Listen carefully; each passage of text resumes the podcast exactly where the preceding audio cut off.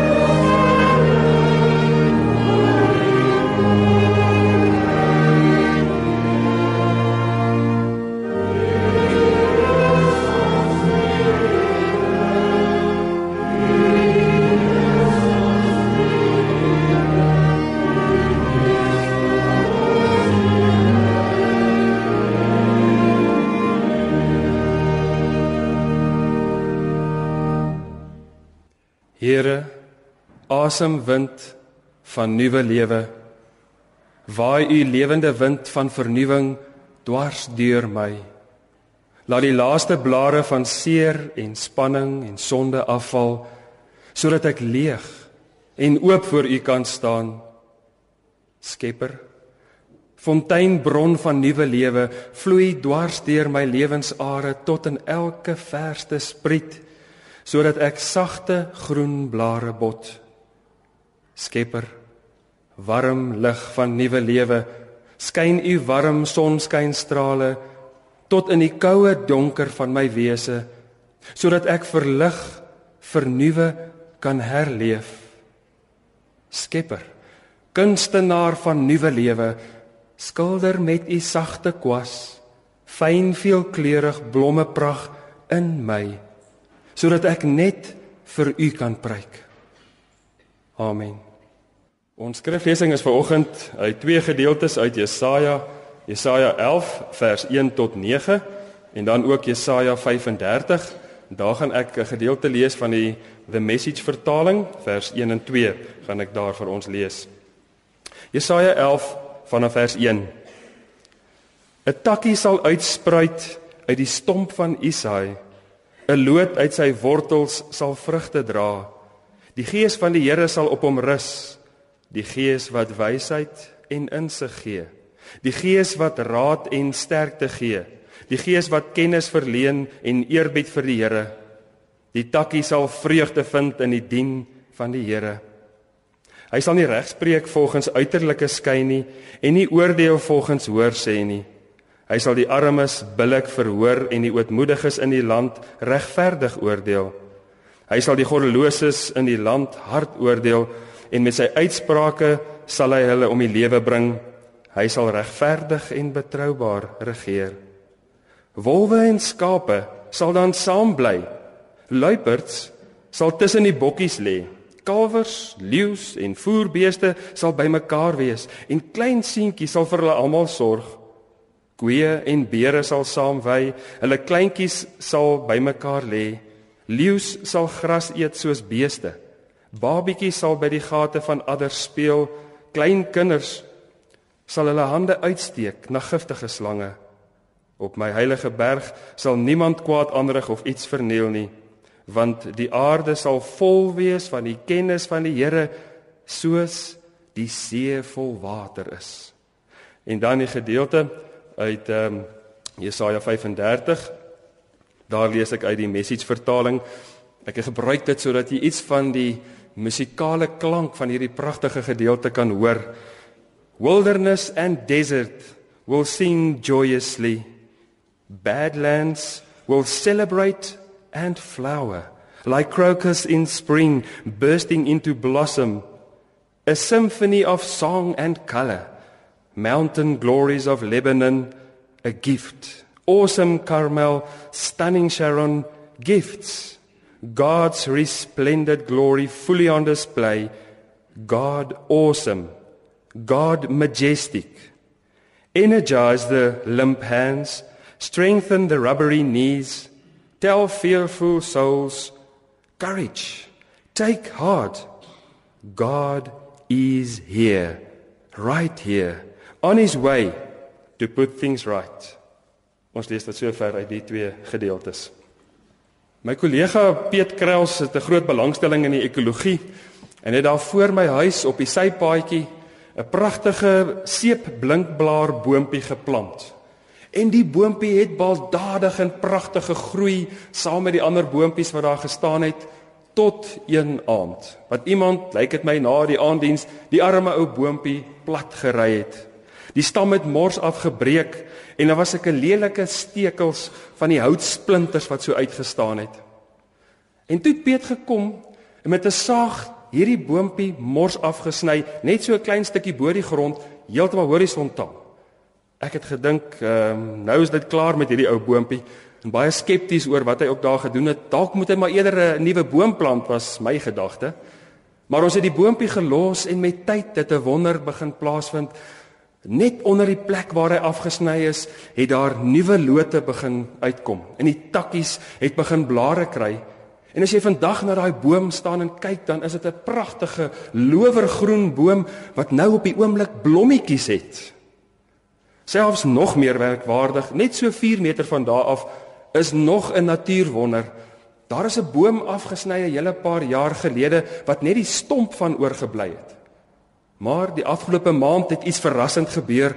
So omtrent 2 meter van die stomp af het die wortels lote begin deurdruk deur die gras en dit het begin groei en daar kom weer 'n nuwe boom net daar wat hierdie oënskynlik dooie boom gestaan het en hierdie stomp nou is. Israel is eintlik in daardie opsig maar baie soos 'n stam wat mors afgebreek is. Want met die ballingskap het daar iets verskriklik gekom. Die roem van Israel se mense is weggevoer na Babel toe. Die invloedrykstes, die leiers, die mense met baie vermoënde gawes, die sterkstes en die jonges is almal weggevoer. En weerskante is daar eintlik nie meer moontlikheid vir lewe nie. Die paartjies wat agtergebly het, kan nie eintlik verder op hulle eie oorleef nie. Die klomp wat weggevoer is, is nou verstrooi reg oor die land en dit lyk asof die volkie eintlik maar daarmee heen is. En mense het begin moed opgee. Die wat in Israel agtergebly het en die wat in Babel gesit het, het gevoel daar is geen meer lewe en toekoms oor vir die volk nie. Eindelik wat hulle beleef het op daai stadium is eintlik net hierdie intense pyn en vernedering en gevangenskap en 'n hinkering na die tye van die verlede. En dan dan kom die profeet Jesaja met 'n boodskap van God. En hy teken vir hulle prentjie hierdie verrassende prentjie van 'n afgesnyde stomp uit die stam Isai wat verwys na die pa van Dawid. En uit hierdie geslag gaan God iemand bring, gaan daar nuwe groei kom. En hierdie diep wortels gaan nuwe lote begin uitstoot en hulle gaan blare kry en daar staan hulle gaan vrug dra. Dit wat eenskyn waarskynlik lyk na die dood gaan omdraai na 'n pragtige lewende boom. Kan jy jouself hierdie wonderprentjie voorstel? 'n Afgesnyde stomp sonder toekoms en dan kom daar 'n boom met vrug. Waar jy aan die een kant geen lewe meer sien nie, kom daar bruisende nuwe lewe. Waar daar aan die een kant doodsheid en moedeloosheid is, kom daar 'n stroom van hoop. Waar daar net pyn en teleurstelling is, kom daar nou 'n takkie wat vreugde dra. Die bron van hierdie nuwe lewe word hier verrassend aangetoon. En dit is nie die tempel nie en is nie Jerusalem nie en is nie net 'n nuwe koning nie. Dit is die nabyheid van die Gees. En dit is soos 'n refrein reg deur hierdie hele gedeelte dat die Gees die bron van nuwe lewe is wat nuwe moontlikhede oopbreek. Maar is interessant in Israel se geval wat by hulle die geval was was hulle prentjie van God was dat God is eintlik ver en weg. En ek moet deur sekere momente gaan en rituele en sekere woorde gebruik en dan gaan God ewe skielik ingryp en dan gaan hy my kan help net om later weer te besef God is weer weg. Die ander plek waar jy God kan kry is in die tempel in Jerusalem. Maar nou is die tempel platgeslaan. Jerusalem is verower en daar's niks oor nie. Ergens moet daar nuwe lewe vandaan kom en die nuwe lewe, die geheim van nuwe lewe volgens die teks is 'n nuwe prentjie van God. Is 'n nuwe godsbeeld. En dit is wat hier gebeur. Hy sê vir die Israeliete, ja, julle het God magtig gesien. Dis reg. En God is daar ver. Ja, hy's ver ook. Maar jy moet jou godsbeeld aanpas met 'n God wat intiem naby jou is, in jou is, die fontein van lewe in jou is wat die nuwe lewe van binnekant af kom bewerk, soos 'n fontein wat in jou ontspring. En dat 'n mens dus weer eens moet dink oor jou godsbeeld. Dan eers gaan daar vir jou vasgeloopte toekoms 'n nuwe toekoms kan kan uitbreek. Rian van der Merwe het 'n baie mooi boekie geskryf oor die seisoene van die siel waarin hy vertel hoe mense deur die eeue besef het dat 'n mens se lewe en veral jou geestelike lewe maar deur seisoene gaan, hè. Ons weet mos almal van die lente tyd toe jy die Here leer ken het, die opwinding en die positiwiteit wat daar was en vreeslike naïewe optimisme in die begin in daai lente tyd. Dan kom daardie somer wat alles eintlik rustig word en jy 'n geborge voel by 'n groep. En dan kom daardie herfsttyd waar mens kan vrug dra en wat jy eintlik begin sien dat jy 'n verskil kan maak. Maar ons almal beleef ook wintertye. En dan gaan hy aan met 'n verrassende 5de seisoen. En hy noem hierdie 5de seisoen die nuwe lente. Want hierdie lente is anders as die eerste lente. Jou eerste lente was daar mos hierdie uitbundige naïewe optimisme. Nou het die winter jou al bietjie gekarnuffel en jy weet dat die lewe nie altyd so maklik is nie en jy besef jou broosheid. Hierdie hele proses het mense 'n hele paar keer in baie van die bekende skrywers raak gelees. Bruggeman byvoorbeeld verwys daarna as jy die psalms lees, kry mens ook iets daarvan. Jy kry eers by 'n psalm oriëntasie, waar dit met die persoon goed gaan en dankbaar is, dan beleef amper al die psalmdigters 'n tydperk van disoriëntasie waar ek van balans afgaan. En dan na 'n hele proses kom ek weer by die reoriëntasie, maar dit is anders as die eerste keer wat ek die die oriëntasie beleef het. Marcus Borg praat ook van drie fases. Hy sê daar's eers hierdie voorkritiese naïwiteit. En dan kom daar 'n kritiese fase wat jy die vra oor God begin vra en oor die lewe en oor jouself. En dan die derde fase, 'n postkritiese aanvaarding. Dit sluit baie aan ook by wat Paul Ricoeur noem die tweede naïwiteit.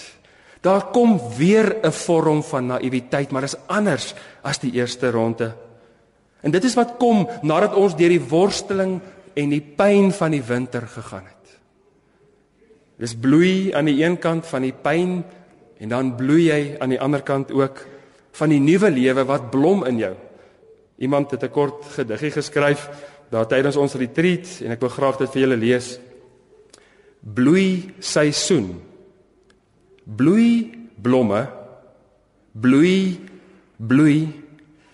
Voorbloei bloei. Voorgroei bloei. In die eenvoud van hierdie gedig word die rykdom vasgevat dat daar in die woestyn en uit 'n stomp wat oënskynlik dood is, pragtige blomme kan bloei. Nou het jy self gebloei.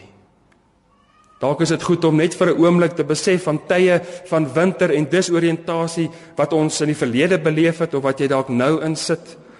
Daar's mense wat iets beleef het van van iemand wat naby hulle was wat gesterf het 'n familielid of 'n vriend of dalk na 'n egskeiding. As jy dit beleef het, dan voel dit asof jou lewensstomp afgesny is. En jy vra weer vra oor God en jy's gedisoriënteerd. Ander het weer kritiese vrae oor God wat hulle nie voor antwoorde kry nie en dan voel dit asof hulle in 'n ligleegte is, weg is van God en hulle beleef hierdie afgesny wees.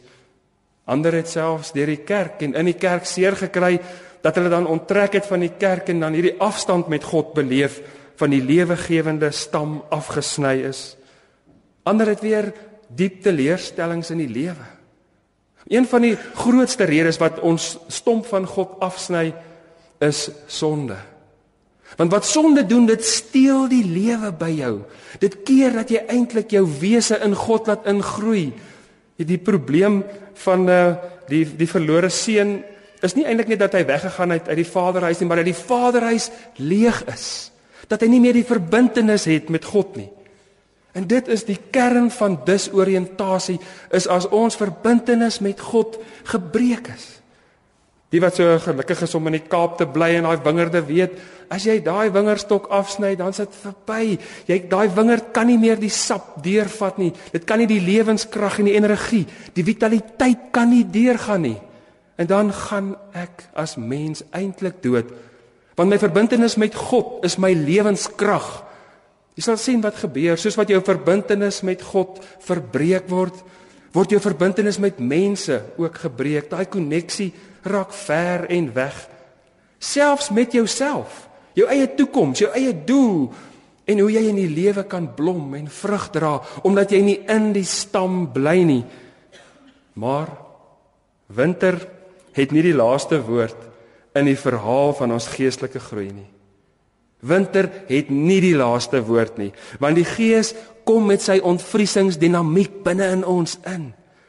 En hy's so naby aan ons, hy's binne in ons elkeen. Dit is eintlik fantasties as mens kyk dat die Gees telkens in die Bybel gebruik word en in aangehaal word by plekke wat nuwe lewe ontplof. Dink byvoorbeeld by die skepping, nê? dan is dit die gees wat oor die waters van die chaos sweef. En dan word daar deur die gees lewe geskep, die aarde geskep. So is dit telkens ook as God iemand roep, dan kom die gees in 'n persoon se lewe en dit ontpop en daar's blom en daar's op die ou end ook vrug. Dink maar aan Jesus se lewe. Voor die in sy bediening, net voordat hy met sy bediening begin het, is die gees oor hom uitgestort en kyk net wat het deur Jesus se bediening tot stand gekom. Ook met die kerk. Dink net bietjie toe Jesus gesterf het, het dit gelyk asof alles verby is. Wat gaan nou oorbly? Dan word die Gees uitgestort en as die Gees in mense se lewens inkom, dan bloei daar die vrug van die Gees en ons sien dit in die kerk en ook nog in die kerk van vandag. God kan dus deur die Gees iets wat onmoontlik lyk 'n vasgeloopte lewenssituasie op 'n manier lewe gee wat verbuisterend is. Maar dit gaan op die ouend oor hierdie groot geheim. En die geheim is jou prentjie van God. Ons het gedink oor die Israeliete se prentjie van God, maar hoe lyk hoe lyk jou prentjie van God? Is jou prentjie van God ook God wat ver is en en eintlik moet jy net deur sekere rituele en woorde en lang gebede God probeer om te dwing en sy arm te draai sodat hy naby jou kan wees? Of kan jy omarm word deur die fenominale wysheid van hierdie teks en die waarde wat hier is dat God binne in jou is. Dat hy jou lewende krag is, jou lewensfontein is Soos wat 2 Petrus 1 sê, dat ons dan uit God die allergrootste, kosbaarste gawes ontdek wat daar is in die skepping sodat ons daaruit kan leef. Dit is die goddelike krag wanneer die Gees in jou lewe kom. Ek wil jou uitnooi om net te besef waar jy ook al nou is. Die Gees is in jou. En dele van jou lewe wat jy voel is eintlik afgestomp en is afgesny van God. Die manier om daaraan gehoor te gee aan die groei en die uitnodiging van die Gees is om oop te maak. Die Gees sy werk te laat doen, mee te gee. Nie self op 'n manier lewe te probeer forceer nie, want dit kan nie. Die nuwe lengte wat ons hiervan lees, is 'n lengte wat dus kom in die winter. In die woestyn, te midde van 'n afgebreekte, afgesnyde stam, daar erken jy nou anders as die eerste lengte jou broosheid. En daar's eintlik iets mooi daarin. Daar's 'n skoonheid daarin. Daar's 'n diepte daarin om in die nuwe lengte te weet ek is maar net 'n brose mens. Maar God is die een aan wie ek afhanklik is. God is die bron van my lewe. En daarom is die nuwe lengte wat ek kan omhels, die oorvloedige liefde van God waarin ek voel ek is ingeënt in God. Ja, ek was afgesny, maar ek word ingeënt in God deur sy Gees en hy wil sy nuwe lewe in jou laat groei. En dit kom gratis uit genade. Daai mooi teks in Jesaja vertel dit so mooi. Wilderness and desert will sing joyously. The badlands will celebrate and flower like crocus in spring bursting into blossom. A symphony of song and color mountain glories of Lebanon, a gift, a gift. Awesome Carmel, stunning Sharon, gifts. God's resplendent glory, fully on display. God awesome, God majestic. Sies dit deur eie inspanning kom ons nie eers nie, maar God breek hier deur hierdie woestyn en hy maak in die woestyn 'n tuin. 'n tuin waar hy besig is om sy nuwe werklikheid te vestig. Verlede jaar is iemand in ons gemeente 'n besondere dame oorlede wat ook kinders het en iemand het toe 'n gedig geskryf en in hierdie gedig verwoord sy eintlik want sy skryf dit vir die die vrou se man wat oorlede is wat nou deur die moeilike tyd gaan skryf sy die volgende Lengte het gegaan Hoe sal ons dit ooit verstaan? die gemis, tsunamies, onbegryplik. My hart, elke sel bloei uit, bloei leeg. Saam met jou, jou pyn is my pyn. Jy en sy was vlees verbonde. Ek weet van winter in jou. Die seisoen het heeltemal te vinnig onverwags gedraai. Ek wens, ek wens so onbeholpe ek kon haar nou vir jou gaan haal. Jou lewe weer lengte vol maak. Maar nou begryp ek. Ons is vir mekaar gegee, deur sy hand verbind, 'n kruisgegewe kind. Hy gee 'n nuwe lengte. Die bloeisels alreeds daar, 'n ander nuwe soort lengte. Dis deel van sy soene. Wanneer die nuwe lengte dus instroom, dan kom daar 'n nuwe werklikheid. En hierdie teksgedeelte eindig dan deur hy sê dat daar is 'n nuwe samelewing wat tot stand kom wanneer die Gees in ons begin werk. Hy deel eintlik hier die droom van God vir die werklikheid. En hierdie droom van God wat hy deel, is nie net 'n prentjie van die hemel eendag as ons sterf nie. Dit is God se droom vir hier en nou. Hier in hierdie land van ons. Hier waar ons elkeen prakties elke dag leef en werk. En die prentjie wat hy hier teken is 'n prentjie waar brose en geringe mense veilig is. Dis so mooi die heeltyd word geteken dat mense wat mag het, mense wat gawes het, hulle mag en gawes en verantwoordelikhede so gebruik dat die geringes en die broses veilig voel, ingesluit word, omhels word. Dit is die werk van die Gees. Want dis tog eintlik wat God self doen ook, nê? Nee, as mens eintlik sien wat gebeur in die teks. God gee homself prys en kom woon in mense, dan deel hy al sy gawes wat hy hier deel in die teks. Hy praat van wysheid en insig en sterkte en eerbied en krag. So God gee homself ook. Al sy rykdom hou hy nie vir homself nie. Hy gee dit vir die swakkes, vir die sondiges, vir ons. En dit is die uitnodiging wat ons hier het. Jimmy Hendricks het dit baie mooi gestel. Hy sê when the power of love overcomes the love of power, the world will know peace. When the power of love overcomes the love of power, the world will know peace.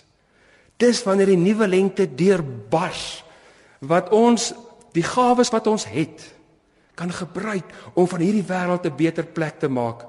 Dat die geringes wat ons mee te doen het elke dag, dat hulle ons hulle omhels, dat ons hulle insluit. Ek wil vra jy moet net vir 'n oomblik dink. Hoe voel mense wat eintlik in jou oë of in die samelewing se oë die geringes is? Hoe voel hulle by jou? Hoe voel jou kinders by jou? Hoe voel vreemdes by jou? Hoe voel mense wat wat jy nie van hou nie wat by jou is? Hoe voel jou vyande by jou?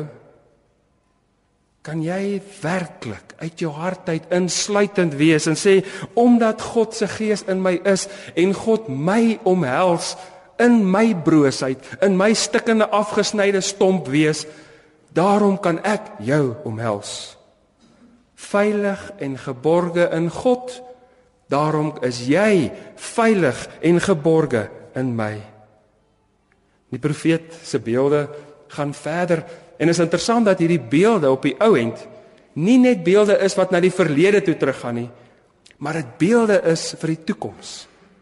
So baie van ons prentjies as ons nou droom oor ons lewe is om iets van die verlede tog net te wil terugkry. Iets van die ou tyd te wil terug hê. Maar hier word 'n nuwe toekoms geteken wat rykdom put uit wat jy in die lewe beleef het. Eintlik is hierdie nuwe lengte pragtig. Hy's deernisvol, liefdevol, insluitend. Want wat hier gebeur, hier kom 'n herverbintenis plaas. Vroer was die verband met God afgesny, maar deur die Gees in genade word die koneksie met God gebou deur die Gees wat in jou is. Die eerste koneksie word verbind. Maar jy word ook aan mense verbind nou, nê? Nee, die teks nooi ons nou dat ons met mekaar en veral met die geringes en die broses weer nuut in verband sal staan en mekaar sal omhels, ruimte sal gee, veilig sal laat voel en geborge laat voel. Maar daar kom nog 'n koneksie. Dit is die koneksie met jouself. Met jou eie geskiedenis, jou eie gedagtes, jou wese, jou lyf, jou ja jou hele mens wees kan jy op 'n manier omhels en tuiskom daarin. Want God is daar teenwoordig om daai nuwe koneksies te bind. Israel moes vir baie jare wag totdat hierdie profesie op 'n manier waar geword het toe Jesus gekom het. En in Jesus het 'n brose loot wel uit die stam van Isaai gekom. So skryf Matteus en Markus en Lukas spesifiek uit die stam van Isaai het 'n brose mens gekom, 'n babatjie wat in die wêreld gebore is, brose vir die broses. Gee God weer sy mag weg. Gee hy weer sy gawes vir ons en hy word die wounded healer, die een wat seer gekry het wat ons wonde kan genees, wat ons wonde op hom neem. En hy staan op vir die broses. Hy wys vir ons 'n prentjie van wat ook al lankal in die Ou Testament God se droom is. Kyk hoe staan hy op vir vroue. Kyk hoe staan hy op vir die Samaritane, vir die sondaars, vir die mense met 'n slegte reputasie, vir die randfigure, vir die moordenaars. Dit is wat Jesus kom doen het en kom wys het. Wanneer die Gees oor jou lewe vaardig word, dan word 'n koneksie met God gemaak wat vloei na alle mense toe. En 'n nuwe wêreldorde, die koninkryk van God kom tot stand nie net deur Jesus nie, maar deur ons. En op die ou end pluk ons die vrugte van vreugde. Twee mense het op 'n stadium gaan diamante delf en uh, hulle het toe 'n groot fonds diamante gekry En toe hulle die diamante kry, besluit hulle, hoorie, maar ons moenie vir die ander ouens vertel nie. Want as die ander ouens dit uitvind, gaan hulle hierdie diamante kom vat. Die volgende dag is hulle opgewonde en hulle hardloop eintlik vinnig vinnig daar na die plek toe waar hulle laas die diamante gekry het. Maar hulle sien agter hulle kom 'n lang ry delwers agter hulle aangestap en gehardloop en sê dit die een ou vir die ander, "Jy het seker weer uitgelap. Jy het vir hulle verklap waar hierdie hierdie diamante is." Ou sê, "Nee, ek het niks gesê nie. Ek beloof jou, ek het niks gesê nie." Maar hoe weet hulle dan?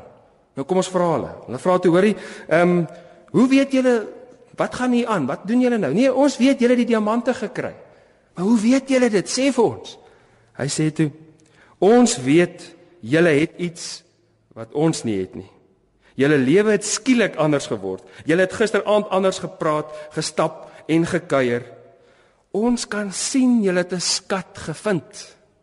Ons kan sien julle het 'n skat gevind. En dit is die grootste skat wat hierdie gedeelte vir ons oopbreek. Die gees van Christus is in jou. Die bron van lewe is in jou om te ontspring en deur jou lewensare te vloei sodat jy kan vrug dra tot eer van God. Amen. Ek wil graag vir ons 'n gebed doen wat deur Charles Spurgeon geskryf is rondom die lente.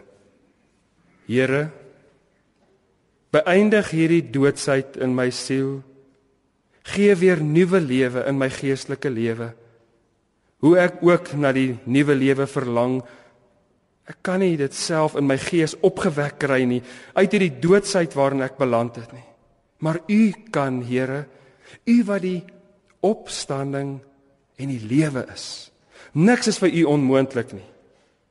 Ek het U krag nodig om my nuut te maak. Die sprankel van U liefde, die helder strale van U genade die sagte lig van u gesig, u barmhartigheid en vrede en wysheid en geregtigheid. Dit is die sewe ster wat my die pad sal wys uit my donker woud van wanhoop en geestelike donker. O Here, ek ly baie onder my sonde en my swakheid.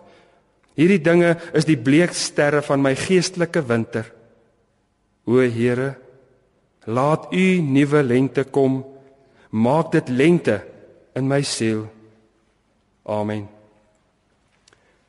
Ek vra dat jy saam in die hart die Spaanse geloofsbelijdenis in die hart sal sê as 'n belydenis van God se naby ons wees en hoe hy hierdie wêreld wil nuut maak. Ons glo in God die almagtige skepper van die hemel en aarde, skepper van alle nasies en kerke, skepper van alle tale en rasse. Ons glo in Jesus Christus, sy seun, ons Heer, God wat vlees geword het as 'n mens vir die mensdom. God wat vlees geword het in die tyd vir alle tye. God wat vlees geword het in een kultuur vir alle kulture. God wat vlees geword het in liefde en genade vir heel die skepping. Ons glo in die Heilige Gees, deur wie God in Jesus Christus sy teenwoordigheid bekend maak in ons mense en ons kulture, deur wie God, die Skepper, alles van alles wat bestaan aan ons die krag gee om nuwe skepsels te word. Wie se oneindige gawes ons een liggaam maak, die liggaam van Christus. Ons glo in die kerk wat universeel is omdat dit die teken van God se heerskappy is. Wie se getrouheid in al sy skakerings getoon word, waar al die kleure saam net een landskap teken en al die tonge dieselfde lof besing. Ons glo in die heerskappy van God, die dag van die groot fiesta, wanneer al die kleure van die skepping harmonieuse reënboog sal vorm wanneer alle mense sal deelneem aan 'n vreugdevolle feesmaal wanneer alle tonge van die heelal dieselfde lied sal sing. En omdat ons glo verbind ons ons om te glo vir die wat nie glo nie om lief te hê vir die wat nie liefhet nie om te droom vir die wat nie droom nie tot die dag wanneer hoop 'n werklikheid word. Amen. Kom ons besing nou deur 'n lied God wat oral teenwoordig is op berge en in dale drie strofes lekker hartlik saam.